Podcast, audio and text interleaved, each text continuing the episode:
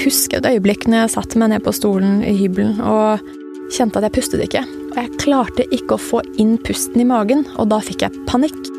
Det var et hav av uro som lå og ventet, og jeg visste at hvis jeg går inn på det, så klarer jeg ikke å studere. I dag får jeg besøk av ei som var dropout-student. Hun lå et halvt år i senga si, utbrent. Kroppen sa stopp. Og det er ikke peiling hva hun skal gjøre med livet sitt.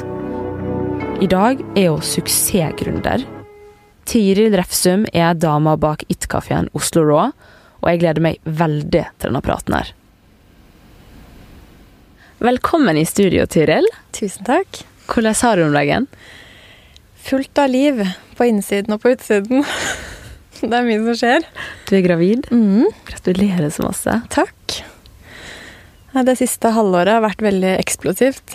Alle drømmene gikk i oppfyllelse på en gang. Så det er mye å ta inn, men jeg er veldig fornøyd. Det føles fantastisk. Du jobber fulltid med Oslo Raw. Vil du først gi oss, meg og de som lytter her, en kjapp innføring i hva Oslo Raw er? Oslo Raw er for min, i mitt perspektiv er det en plattform for nytelse. Det er en verden man kan komme inn i på sin egen måte, enten om det bare er å følge på oss på Instagram, eller lese bøkene mine, eller spise en kake, eller sitte i kafeen, eller høre på en podkast om oss, da.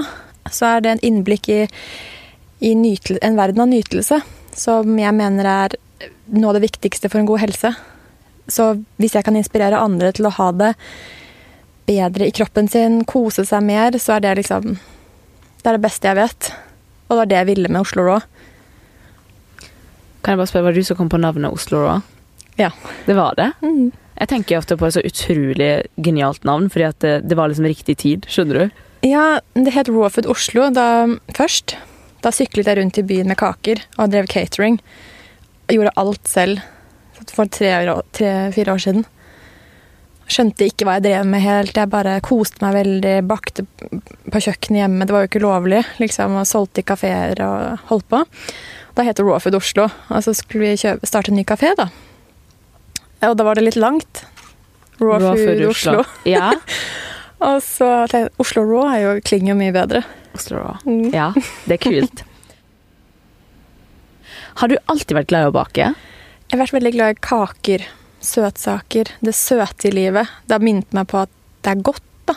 Men bakingen har syns jeg har vært ganske ja, kjedelig. Um, men det var, det var før jeg fikk vite om plantebasert mat og raw food, da. Da ble kake, det ble et helt nytt nivå for meg. Da fikk jeg lyst til å lage det. Jeg hadde det så mye bedre i kroppen når jeg spiste raw food. I tillegg så var det søtt og godt. Så jeg følte bare at det, var, det her var liksom det Livet begynte på nytt, og det var den beste businessplanen. Jeg hadde ikke noe skriftlig plan, men jeg visste at det her må jeg gjøre noe med. Det er for godt for sant. Kake til frokost og nytelse og sjokolade. Men da du var liten, visste du hva du ville bli da, som voksen? Nei. Jeg eh, Jeg visste ikke det. Det kom eh, veldig sent, denne bakedrømmen.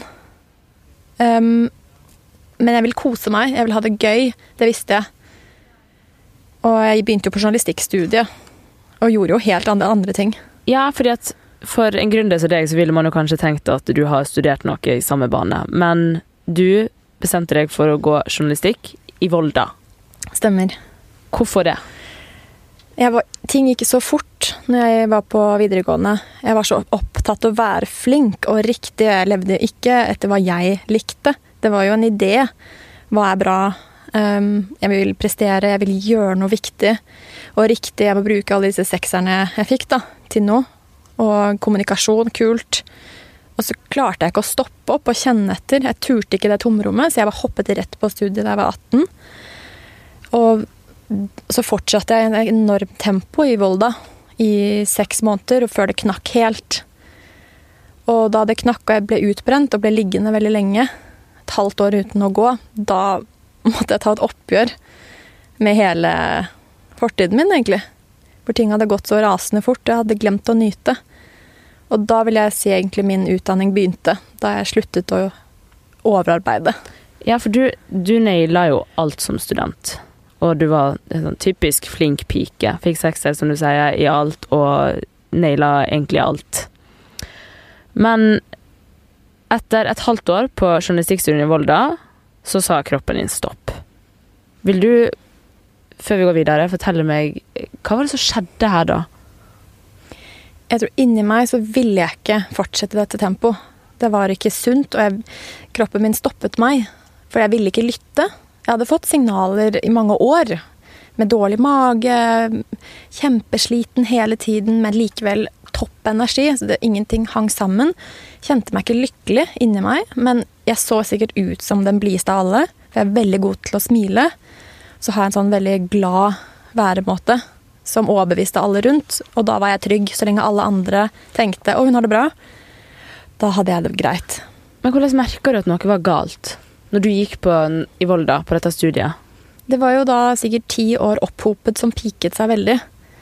Det kom til et punkt hvor jeg det, jeg, Musklene mine sluttet å funke. Jeg kollapset helt sånn rent fysisk. Når da? Eller var det en spesifikk situasjon? Ja, altså jeg, jeg, I tillegg til å studere og være med i alt man kunne gjøre på studielivet, så ble jeg zumba-instruktør og yogainstruktør og alt dette ved siden av I Volda. i Volda. Så jeg hadde jo ikke Jeg stoppet ikke opp ever, selv når jeg satt i yogatimen og sa 'pust'. det var så ironisk, så visst skjønte jeg jo ikke hva jeg snakket om. Sorry det ler. Nei, men jeg var jo ja. 18 og dritsliten. Ja, uff. Det Alle er jo klappet i hendene. Ja, det er helt Det er tragisk, og dessverre blitt veldig normalt. Mm. Det er jo helt uh, forferdelig, egentlig. Vi klarer å lure oss selv trille rundt. Men hva var det som skjedde her? Du var Så hadde jeg zumba-time, da. Jeg står der og strålte, og du er et veldig høyt, det et veldig høyt tempo på de timene. Og så smalt jeg bare i bakken. Så det var jo en veldig dramatisk slutt. Midt i timen så bare faller du. Ja, Så bare stopper det opp. Og jeg trodde jeg var sulten, så jeg begynte å spise masse. Eh, Men det, gikk- jeg ble aldri bedre. Men liksom, i den situasjonen her eh, Altså, du besvimte ikke, men du Nei, Lårene mine begynte å dirre. Jeg måtte bare sette meg ned. Og så måtte jeg bare dra hjem. Så du forlater Jeg bare dro hjem. timen. Ja. ja. Og jeg skjønte ingenting. Hva sa folk rundt deg? Nei, de skjønte ikke Ingen skjønte noe, men jeg bare dro. Eh, Jeg var redd. Jeg var veldig, veldig usikker. For jeg hadde altså, alltid vant at kroppen min gjør som jeg vil, og jeg kan presse meg selv alltid dit jeg vil. Og så var det som at sa kroppen til slutt Nå har jeg sagt ifra i tolv år, da. Nå må jeg stoppe deg, for det her er ikke din vei. Um, så jeg dro hjem, og da kom alle tårene. Eh, vi skjønte ingenting hvorfor jeg var sliten, hva det var, men jeg var kjente en veldig dyp sorg over at jeg hadde egentlig mistet kontakten med meg og de ordentlige behovene mine. For jeg hadde lyttet veldig mye til hodet og egoet mitt og være flink, men det var jo ikke det som betydde noe for, egentlig for meg.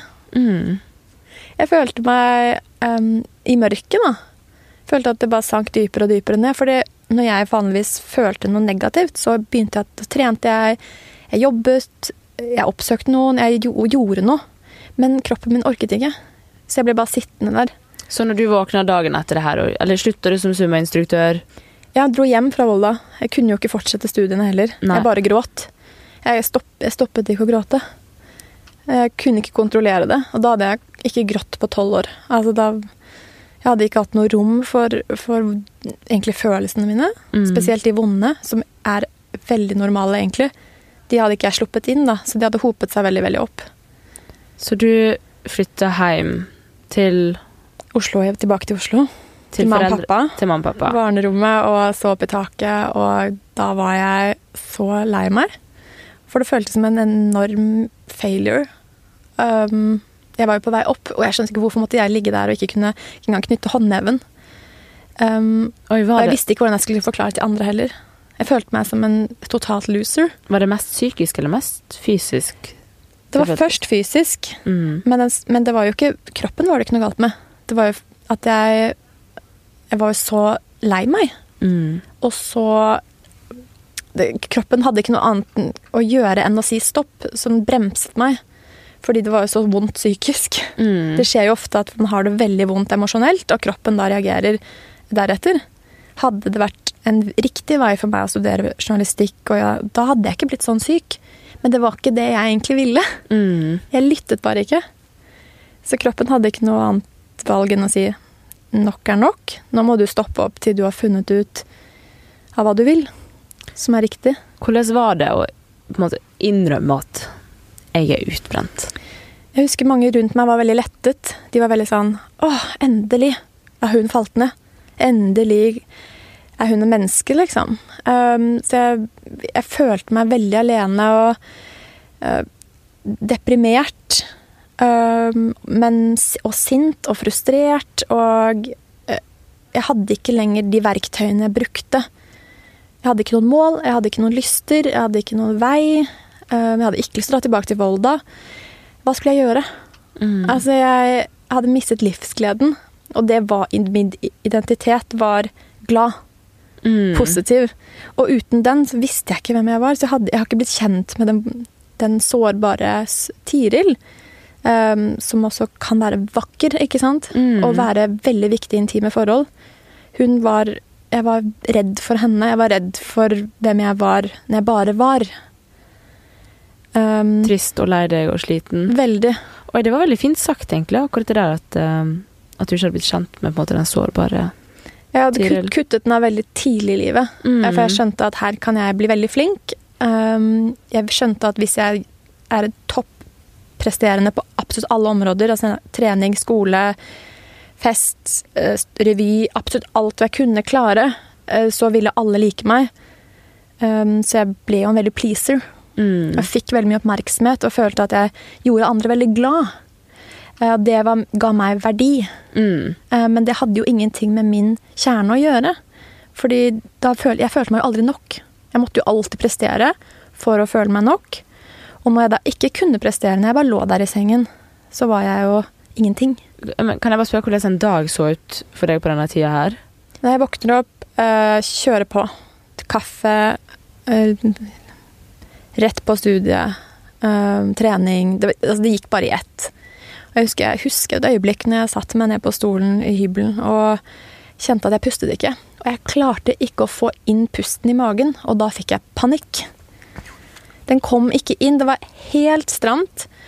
Så det var uh, smertefullt å kjenne at det var et hav av uro som lå og ventet. Og jeg visste at hvis jeg går inn på det, så klarer jeg ikke å studere. Wow. Så da var det bedre å bare trykke det ned inntil da kroppen da måtte stoppe meg.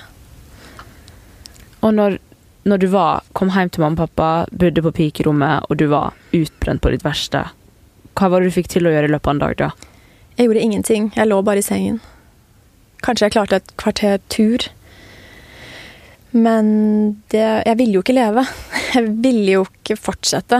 Um, jeg ville sulte meg selv. Jeg hadde mange ideer hvordan jeg skulle klare å Jeg hadde ikke noe mening. Og jeg så ingen utvei. Jeg følte ingen forsto meg. Så egentlig lå jeg bare stille og gråt. Men jeg var ikke lost på, det, på alle måter. Jeg var, fant enormt med sinne og frustrasjon uh, som jeg ikke klarte å kanalisere. Jeg visste ikke hva det gjaldt, eller hvorfor, eller hvordan skulle jeg få det ut. Så jeg lå jo bare der, og det boblet inni meg. Jeg ville, jeg ville bare bort fra mørket og meg selv. Men det går jo ikke. Og hvordan gikk du da fra å ligge i senga dagen lang til å plutselig bake kake? ikke sant. Um, så tok det jo vel et halvår, og jeg lå der. Uh, så nevnte mamma bare sånn Tiril, jeg kjenner en terapeut. Han er jo litt alternativ. Han er eh, bodyworker og driver litt med alternative ting. Um, så kom jeg inn i rommet til han fantastiske mannen, som da endrer livet mitt totalt.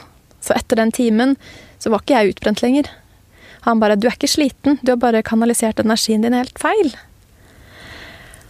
Så han vil jeg si er startskuddet um, på egentlig alt et, det, var, det var, delt i to, liksom. Det var livet før og etter. Um, og så ble jeg kjent med raw food-kaker, da. Uh, og da kom jo gleden av å skape bare Altså, det var så godt. Så jeg sto timevis på kjøkkenet og bakte kaker. Husker du når du lagde din første kake? Det var en sånn bringebærostekake. Altså, den var jo virkelig jeg vet ikke om det, om det var en kake engang, men det var i hvert fall et eksperiment. Jeg husker alle syntes jeg var så rar, og alle var 'å gud, raw food, hva faen er det?' Altså, de lo av meg. De syntes jeg var veldig corny. Um, men jeg dreit jo i det. Jeg var sånn 'Dette gleder meg, og det her smaker så utrolig godt, og kroppen min har det så bra'. Wow. Ja. um, så jeg bare fortsatte, da. Og så følte jeg en sånn spark etter et år. Bare sånn, nå må jeg gjøre noe med det her. Det var jo så mye kaker. Det var, jeg klarte ikke å spise på. det var kaker over. Nå ser jeg for meg liksom, der du bor, og hele leiligheten er bare fylt, fylt av kaker. Ja, ja. Og jeg hadde fryser i stuen, ikke sant. Um, Hadde du fryser i stuen? Til kakene. og Hadde du kjøpt da til ja, det? Ja, og da hadde jeg, nå, nå bor jeg da i en annen leilighet alene. Så det var jo bare en sånn ka kaketilværelse.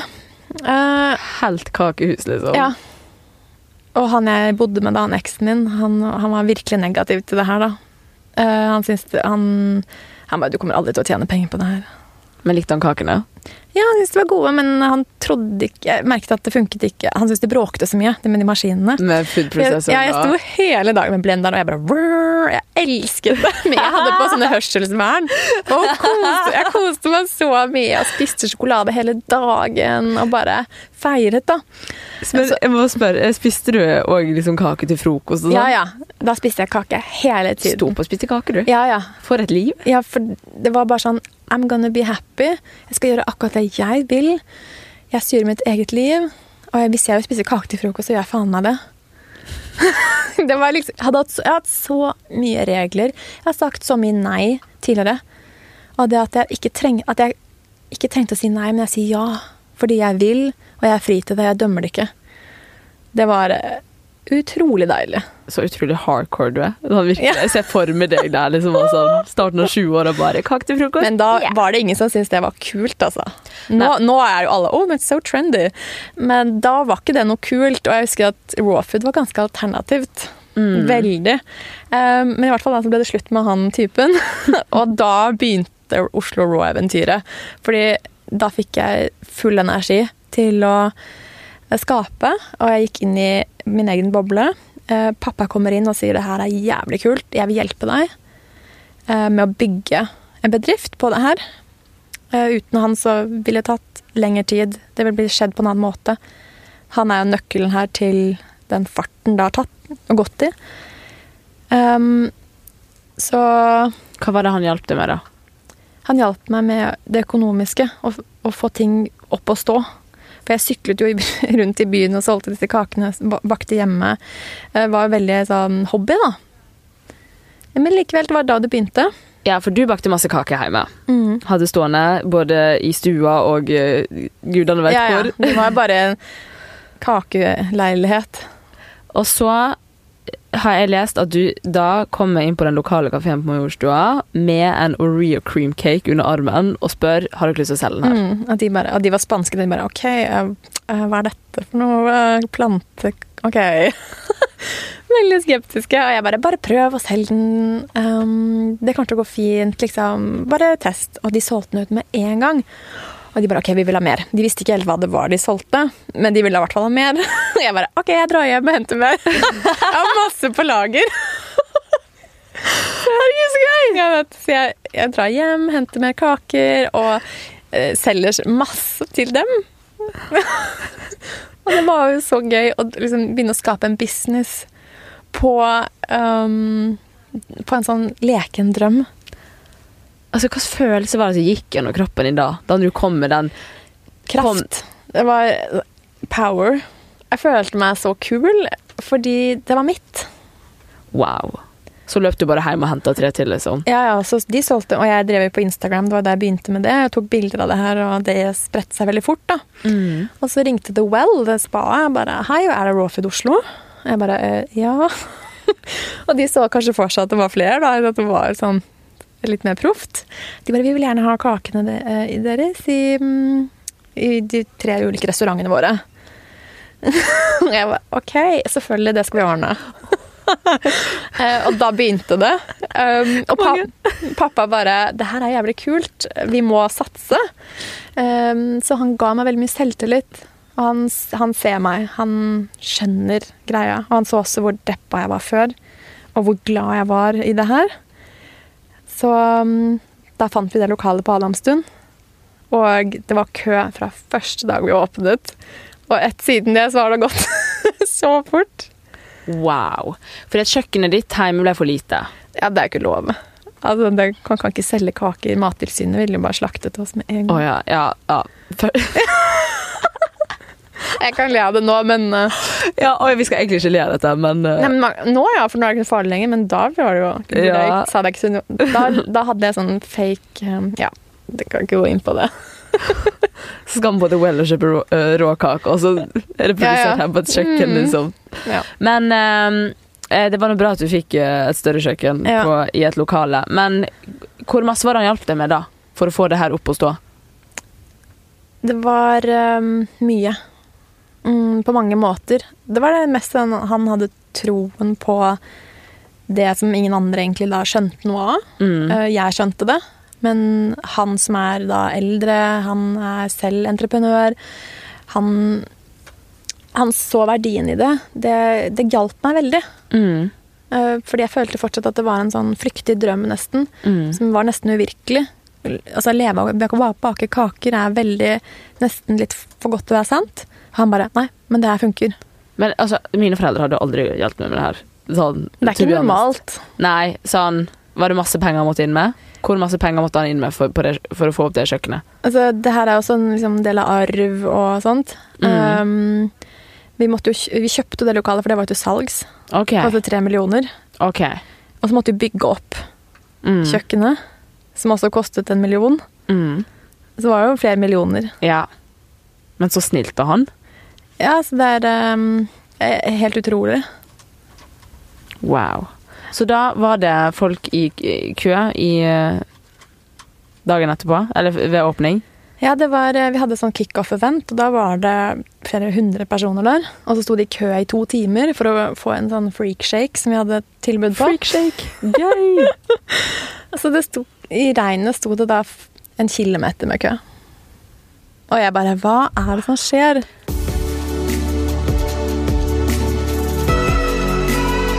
I 2016 så går du da fra å drive catering til å åpne din første kafé i Oslo. Hvordan i alle dager fikk du til det? Jeg tror at jeg har veldig lite tvil. Ehm, etter all den terapien så jeg så, hadde kommet så langt nedpå at jeg kunne på en måte ikke falle lenger ned. Og det er jeg så glad for. Akkurat da var det grusomt eh, når det sto på. Men jeg var, jeg var på så rock bottom at det kunne bare gå oppover. Eh, og jeg hadde så enorm tro på drømmen, og jeg visste at det her må funke. Og jeg hadde, jeg hadde ingen businessplan, jeg hadde ikke noe budsjett. Jeg gjorde absolutt alt på en annen måte. Eh, og mange rundt bare What the fuck? Hvordan gjør hun det her? Altså, De skjønte ingenting. De advarte meg. Jeg bare, det her kommer til å det kommer ikke til å gå, for du har ingenting på plass. Men det her lurer jeg på. Hvordan gjorde du det her uten Jeg hadde ingenting. Jeg hadde ingen erfaring. Jeg visste ikke hvordan man skulle ansette, kontrakter, struktur, eh, fakturering. Altså, det var virkelig Jeg sto på null. Men du, hvor lenge holdt du på alene før eh, du åpna på Adamstuen og begynte å ansette? Jeg hadde hjelp fra en som jeg ansatte. Um, så, men jeg eide det jo 100 selv, Mm. og alt sto jo på meg. Absolutt alt. Ansvaret. Så um, det var tøft. Hva sol solgte du den første Oreo-kaka for, eksempel? Jeg tror jeg solgte den for hele kaken for sånn 250 kroner. Ok. Det, det var jo bare rent tap. jeg, jeg visste ikke hva en kalkyle var, eller marginer, eller noen ting. Jeg visste ikke hva jeg brukte penger på. Um, jeg bare sa at den skal smake så jævlig godt, det skal være økologisk, uh, og det skal være helt sinnssykt. Det skal være en sånn Du skal bare bli så glad når du spiser den. Det var på en måte min businessplan, da. Men har du da etter hvert lært deg hvordan du skal drive business som en gründer? Eller har du ansatt noen for å gjøre det? Jeg har lært det selv, um, men jeg vil si at jeg har skapt min egen metode. Som veldig mange nå spør om hjelp til. De spør hvordan gjør du det. Jeg holder workshops i teamwork, i lederskap. Mm. Folk syns det er fascinerende at jeg gjør det på en annen måte. Jeg holder foredrag på BI. Um, det er en fordel at jeg ikke har den utdanningen, for jeg har ikke lært hvordan ting skal gjøres. så jeg har gjort det på min måte. Og det er effektivt, og det funker, som man tydelig ser med kafeene og Ja. Det ser man jo absolutt. Herregud, du, det her er jo brakende suksess. Men når var du sånn Når var det øyeblikket du kjente at Wow, her har jeg fått til noe med disse kakene? Jeg skjønte det før vi åpnet kafeen, fordi for meg er suksess at jeg vet hva jeg vil. Det var første gangen i mitt liv at jeg visste hva jeg ville. Og det var for meg en lettelse. Det er kjipt å gå rundt og ikke vite hva man vil, eller at man ikke har noen mission eller noen plan som resonnerer med hjertet og magefølelsen og den passionen. Jeg har lett etter en passion hele mitt liv. Eh, Jeg har strevd veldig hardt for å finne den, men jeg lett på feil sted. Og når jeg da kollapset, så hadde jeg muligheten til å bli kjent med den helt innerste passion. um, som handler om kreativitet og nytelse og og inspirere andre til å skape noe de syns er gøy. Var det da du fylte fryseren som sto i stua? Ja, det, eller det var da jeg la meg i sengen og, hver kveld og tenkte faen så gøy det her er. Det her skal jeg gjøre uansett, om det går eller ikke.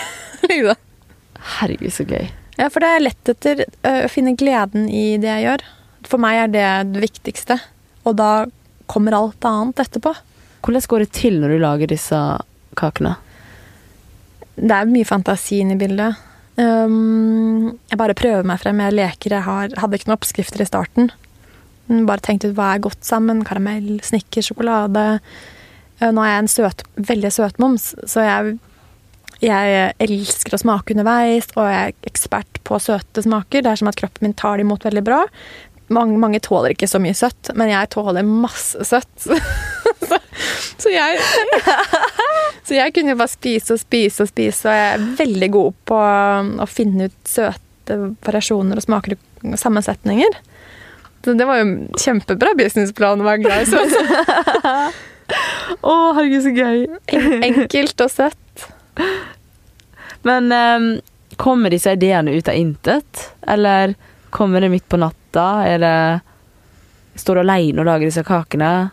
Hvem får det til å smake? Det er litt sånn hvis du skriver, da, eh, i dagboken din, eller man sitter og maler. Det bare kommer.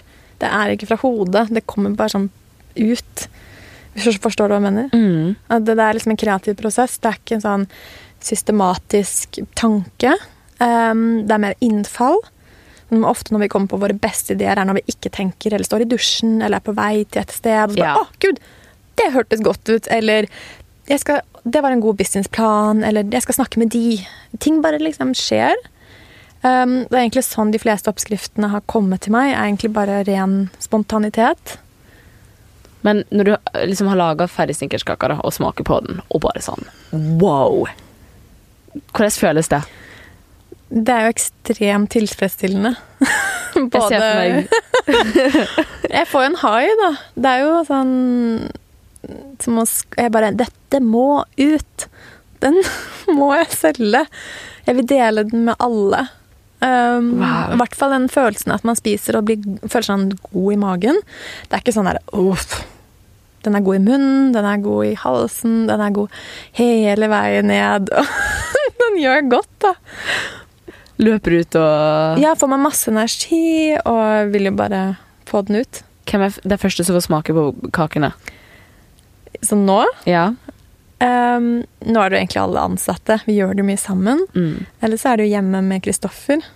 Um, mamma, pappa, alle rundt meg får kake hele tiden. Nå ser jeg for meg du sitter med liksom ferdig snickerskake og sitter og sånn tripper som en sånn liten unge og bare Mm. 'Smak! Hva syns du?' Ja, og Kristoffer er ganske kritisk. Å, Så jeg får både positivt og negativt, som er kjempebra. Men han spiser opp. Han er sånn to meter, sånn. Kaster masse råfugl der. Veldig bra. Hvordan ser en vanlig arbeidsveke ut for deg nå? Den er så variert. Um, det består, består av møter, bokskriving hvis det er en bok på gang. Nå har jeg akkurat gitt ut en ny. Um, når det er i sånne veldig intense innspurtprosess eller en bokprosjekt, så er det jo kun bok og utvikling av oppskrifter og redigering. Um, nå er det egentlig finpusse på Frogner. Jobbe med strukturen der, holde overblikk i økonomien. Er det hektisk? Det, blir, det, det var mer hektisk i starten når jeg var stressa. Nå har jeg jo egentlig mye mer ansvar, men jeg stresser ikke. Så det er jo en attitude eh, man kan lære seg. At, så jeg var jo kontrollfrik i starten. Det var skummelt å delegere bort. Det var skummelt å dra fra kafeen. Mm. Jeg fikk veldig mye frykt rundt det. Um, jeg ville gjerne være med på absolutt alt. Og det var jo også vanskelig for andre å slippe inn da. Mm. Så um, fortsatte jo i terapi, da. Eh, og begynte å skjønne ok, jeg må delegere, jeg må få mer struktur, jeg må trekke meg unna. Um, Gi meg nummeret til den terapeuten. ja, han er fantastisk. Hvor masse måtte du sjøl investere for å få Oslo opp på beina? Tenker du penger? Mm. Jeg brukte jo alt jeg hadde av, av penger, Um, men det meste kom jo fra pappa. Mm. Um, det var jo en enorm investering han gjorde, og fortsatt gjør. Um, så han satset eh, Den tiltroen han ga meg, var jo ekstremt næringsrikt, da. eh, For selvtilliten min også.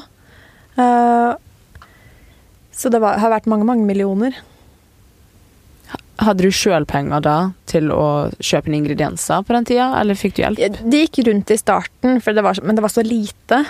Eh, Jeg brukte liksom sparepengene mine og fikk litt spons og ble kjent med folk som ga meg et kakao. Og så. Det var veldig sånn fra, på sånt nivå, da. Um, ja. Og hvor lang tid tok det før du gikk i overskudd? Det er fra måned til måned så endrer det seg. Um, men vi kunne gått i overskudd fra starten av hvis vi hadde hatt litt bedre struktur. Men jeg skjønte jo ikke økonomi heller i starten. Uh, og jeg visste ikke hva jeg brukte penger på. Jeg visste ikke hva min kake kostet. Um, så jeg tror at hvis jeg hadde jobbet litt mer strukturert uh, i starten, så kunne vi tjent penger fra starten. Hva da, som at du solgte At du, du prisa kakene Ja, høyere? helt feil priser.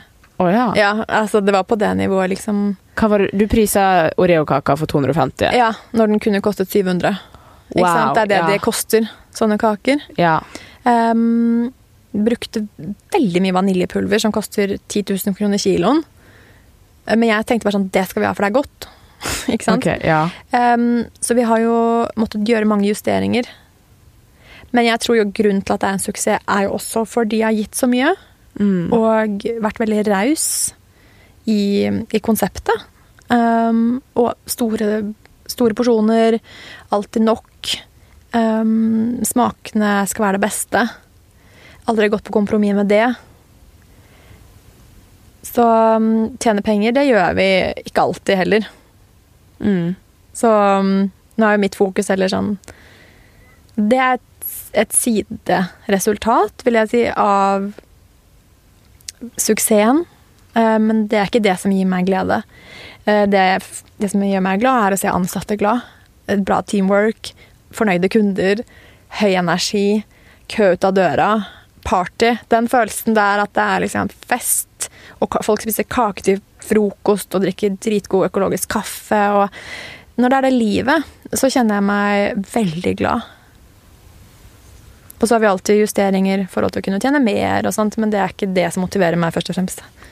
Men i 2018 så gikk selskapet 1,2 millioner i minus. Hvordan føltes det for deg? Jeg regnet med det. Du gjorde det? Ja, altså det Vi la jo opp til det. Ganske klart. Nei, det er jo Vi har investert utrolig mye og brukt alle pengene våre på nye maskiner. Så det regner jeg med. og når vi bruker liksom 600 000 på lønninger ikke sant, en måned, og, og tjener lite, så vet jeg jo at vi taper. Så det er en del av eh, valgene jeg har tatt. Jeg har brukt mye mer penger på lønninger enn jeg kanskje har trengt, fordi jeg vil ha mange på jobb. Sånn som andre bedrifter har to på jobb, liksom, og de stresser veldig. Vi har jo vært seks stykker på jobb. Mm. Eh, For mange ville sagt at det er jo et rent tap, men det har vært min vei å gå. Jeg har måttet tape de pengene, jeg har måttet komme meg opp igjen, jeg må bygge struktur på nytt. eh, Med mitt team, bygge kompetanse. Så mm, Men syns du noen ganger at det er vanskelig å Eller at det er skummelt å holde i et selskap som er så stort nå? Ja, jeg syns det er litt skummelt iblant. Um, men nå har jeg mye, veldig mye tillit til at det bare går.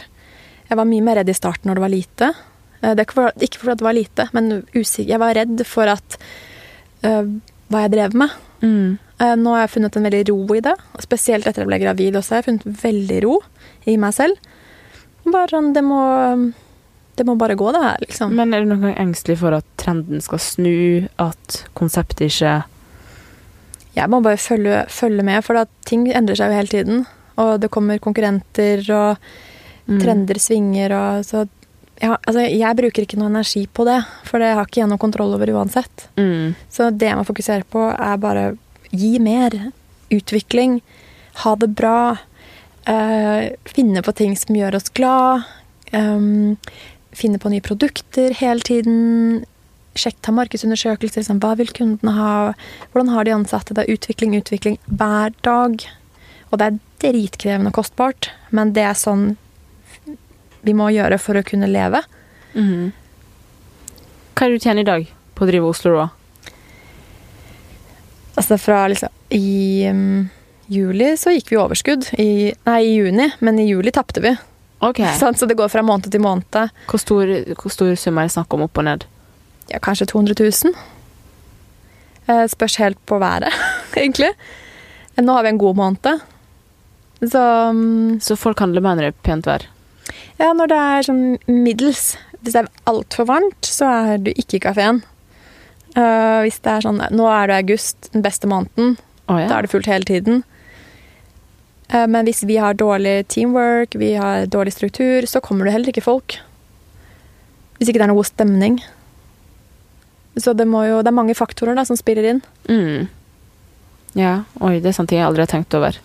Hva syns du liksom er den største utfordringen ved å drive et eget selskap? Hvis du kunne valgt én ting som liksom er sånn det vanskeligste. Du er jo veldig ung. Ja, jeg er 27. Herregud. Mm. eh, Det er må være å hvile i det å ikke vite. Fordi man har jo ikke kontroll over 40 ansatte sine følelser. Ikke sant? Man, har, man vet ikke om noen liker det eller ikke. Man vet ikke om man går i overskudd neste måned. Man vet ikke om trenden svinger. Ikke sant? Det er, vi lever jo i en usikker verden. Og det å kunne slappe av i det, og likevel fortsette, det kan være utfordrende. Fordi at du ble jo utbrent av å være flink pike og skulle få til alt da du studerte i Volda når du var yngre. Men nå, da?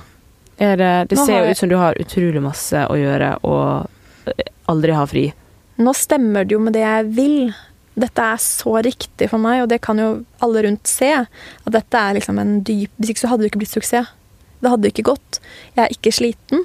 Eh, Jeg sover godt. Eh, Jeg kan bygge en god relasjon med Kristoffer. Jeg blir gravid.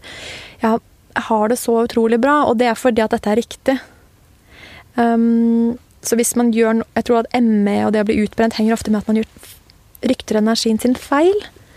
Det er ikke det at man ikke har energi, men man bruker den feil. Um, så det er det jeg håper folk også blir inspirert av, å finne ut av hva de syns er gøy. Og da kan man få enorme krefter. Jeg har jo jobbet ekstremt mye. Men jeg klarte det fordi det er min drøm. Det er min dype passion er å skape dette. Og det er så kult. Spiser du masse rå eh, mat? Eh, mye. For jeg har jo lest at du er jo veldig balansert. Jeg, jeg tar det litt fra dag til dag. Nå Mm. har jeg ingen allergier eller sykdommer eller noen ting. Jeg har superbra fordøyelse, og um, hvis det er noe, så sitter det i hodet mitt Mm. at gluten er dårlig. Men jeg tåler jo gluten kjempebra. Ja, du gjør det? ja, ja, og jeg tåler hvitt sukker. Jeg tåler egentlig det meste. Um, det er kun da drama i hodet hvis det er noe greier. Og det kan jeg få hvis jeg er stressa. Da begynner jeg å kontrollere maten. Oh, ja. Mm, så det er masse sånne mønstre som jeg har blitt kjent med. For jeg er ikke kvitt liksom, gamle plager. For jeg får vondt i magen når jeg er stressa. Ja, jeg får jo også det. Så jeg er sånn Å nei, jeg har spist så masse gluten nå. Så det Så, sånn så skylder man på gluten. It's in your head, bitch. Come on. men så er det kanskje noe annet. ikke sant? Um, jeg tror jo mer at det er det psykiske som mange sliter med, enn egentlig matvarene. Og da snakker jeg til de som har et kontrollbehov, ikke de som har cøliaki. For Nei. det er enkelt og greit. Men vi lever i en verden hvor det er veldig mye kontroll rundt mat, og vi skal være flinke, og vi skal være perfekte, og det skal være riktig, vi skal være rene, og vi skal spise raw. At det nesten blir sykelig. Mm. Og da snakker vi normale folk. Og jeg selv har hatt så mye av det. Um, og det sniker seg inn, fordi det er jo raw food, det er så sunt. Men så er det, det er litt splittet, fordi det er også mye kontroll og restriksjoner og nei. Og å dømme da pommes frites eller Mækkern eller en sånn ting. Og da er man jo heller ikke fri. Nei. Så Kristoffer lærer meg jo det her, for han elsker jo all mulig fast food, liksom. og, og, og aldri, han har aldri vondt i magen, han har helt ren hud, han er lykkelig. Han er liksom eksempler på den fri, fri fordøyelse, fri mann. da. Å, så. Eh, Så jeg ser vel opp til han på den måten. Han tenker jo ikke på disse tingene. Eh, Jeg har jo overtenkt mye sånn matgreier. Mm. Um, Så du tillater deg å spise bare det du vil? Ja, hvis jeg dømmer det, hvis jeg spiser da eksempel en svær pommes frites fra Mækkern, som jeg gjorde veldig mye i starten av graviditeten, um, eller hvis jeg spiser smågodt da, og dømmer det, så kan jeg kjenne en sånn knip. Og jeg kjenner en skyld, og jeg blir lei meg etterpå. Og jeg bare, faen, hvorfor gjorde jeg det? Tenk så mye crap kroppen min må deale med nå. Bla, bla, bla. Ikke sant? Og da må jeg få vondt. Jeg legger opp til det.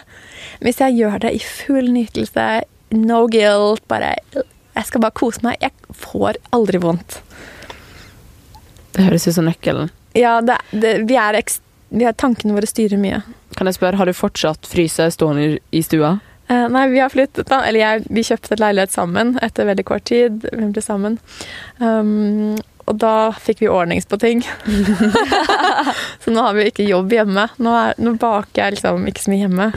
Nei, det er deilig litt Nå er det bare til eget bruk. Skille litt jobb og privat. det holder med en liten fryser.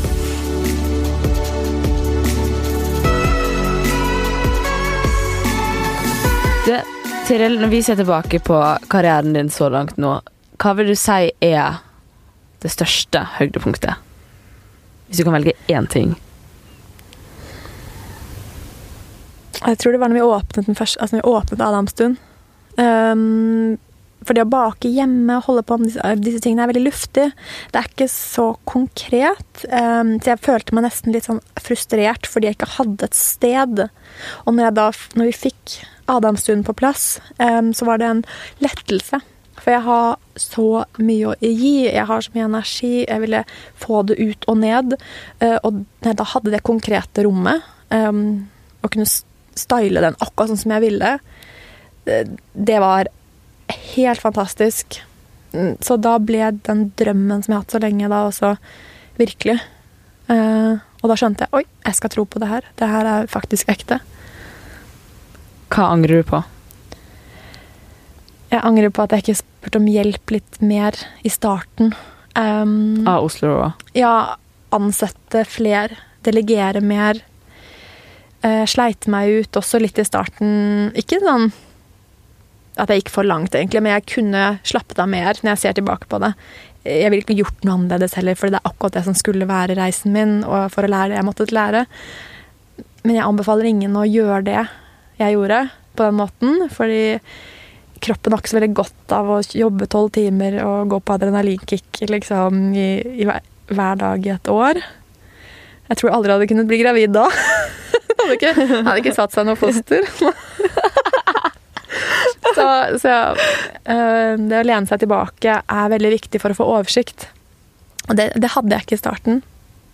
Men jeg ikke jeg var ikke klar for det heller. Da var jeg 25 og veldig sånn over, overtent. Og singel og wow, wow. Det var liksom bare sånn Jeg kunne gjøre absolutt alt på min måte når jeg ville det. Angrer på at du ikke solgte Oreo-kaka di for meg enn 250 kroner? Altså, det er vanskelig å si angre, for jeg måtte liksom lære det. Jeg måtte gjennom det. Jeg, ikke, jeg kjente ikke til økonomi, jeg visste ikke hva det betød. Egentlig med, med penger var aldri Jeg tenkte alltid ja, det er nok, av- det er nok av det, liksom. Det, er, det handler om kaken. Det spiller ikke noen rolle hva den koster. Mm. Um, så jeg måtte lære meg å sette pris på det jeg skapte, og min verdi. Og det var en tøff reise, det òg. Mm. Og, sette og liksom, hva fortjener jeg? Uh, så det handler mye om selvrespekt, egentlig. Og det å selge en kake lite er ikke noe bra for meg. Det er ikke noe gøy å selge seg selv billig. Nei. Det er det det går på, egentlig. Jeg er ikke verdt å ta mer. Så jeg vil forsikre meg om at den ble solgt, ikke sant. Mm. Og da satte jeg en lav pris. Men jeg kunne solgt for 400 med en gang. Mm. Og så økt prisen til 500 et halvt år etterpå. Mm. Um, så det var jo en, en, en reise. Og viktig. Hva er drømmen din videre? Fortsette å utvide, skrive mer, um, skape familie. Uh, jeg er veldig sånn, opptatt av privatlivet mitt. Fordi jeg mener at når vi virkelig koser oss og har det godt i livet, så har vi evnen til å skape mye mer for andre. Og jeg vil ikke ha en bedrift hvor alle jobber hardt på jobb, og så er de slitne når de kommer hjem. Jeg vil at vi skal bygge livene våre. Og, um, for det er sånn vi bygger samfunnet. Så jeg er så heldig nå som jeg er til et forhold hvor jeg elsker å være, og jeg liker å være hjemme. Jeg liker å drømme om de enkle tingene. Um, og jeg, jeg, det gir meg masse. Uh, og det gir meg inspirasjon til å skape mer Oslo Raw. Uh, nye bøker med Jeg har lyst til å gi mer, fordi jeg gir meg selv mer. Ja. Fint. Og hva er drømmen din med Oslo Raw? Jeg vil lage, bygge et enorm, en enorm bedrift um, med Altså, jeg vil jo bare fortsette og fortsette og fortsette med flere kafeer, flere bøker, flere produkter i matbutikker, mer foredrag. Listen er lang. Og sist, men ikke minst, hva er ditt aller beste tips til de som lytter her, og er forhåpentligvis kommende gründere? Ikke tvil på seg selv. For det tar enormt mye energi. Og det er waste. Den energien kan vi bruke på å skape noe. Det spiller ingen rolle hva andre sier. Um, vi må tro på oss selv. Fordi alle er helt unike og skal gjøre noe unikt som ingen kanskje helt forstår. Det er det som også vil få verden til å gå rundt. Det er jo også at vi alle sammen finner ut av hva vi kan gi som er spesielt. For at, eh, altså, Oslo Raw kunne aldri lest meg i en bok. At det var liksom ingen som kunne si meg hva jeg skulle gjøre. Jeg måtte gjennom alle lagene og finne ut av hva vil jeg gi. Og nå er det kult. Nå er alle sånn 'Å, så fett'. 'Å, det er så trendy'. 'Å, kult med kaker'. Men det var ikke det før. Men da hadde jeg troen på det. Så hvis jeg aldri hadde trodd på meg selv, så hadde det ikke vært noe Oslo Raw. Ikke sant?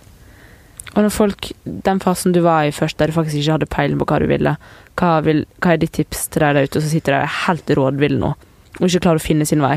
Er det, er det å dra til en psykolog eller en terapeut? Eller er det å droppe ut av studiet? Det egentlig raskeste veien er å finne ut av hva man syns er gøy å gjøre. Og når jeg sto i sta mange år tilbake, eller hvis jeg, når jeg sto og lagde kaker før jeg begynte å selge de, så lo jeg av tanken på at man kunne selge de og leve av det, for det hadde vært en det hadde vært too much. Altså, det hadde vært en for heftig drøm. um, hvis noen har en sånn drøm, så det, må man hoppe rett på den. Uh, vi, vi går for lenge og venter med å fullføre ønskene våre og drømmene våre, for vi tror det er så vanskelig. Eh, Men det er lettere enn vi tror. Vi er for opphengt i hvordan. Eh, Jeg, mitt tips er hva liker du å gjøre? Hva gir deg glede? Og så gjør du det. Tusen takk for besøket, Tiril. Takk for at du kunne være her. Det var veldig inspirerende. Å, takk. Og så må du ha masse lykke til videre med graviditeten. Takk. Tusen takk. Takk selv.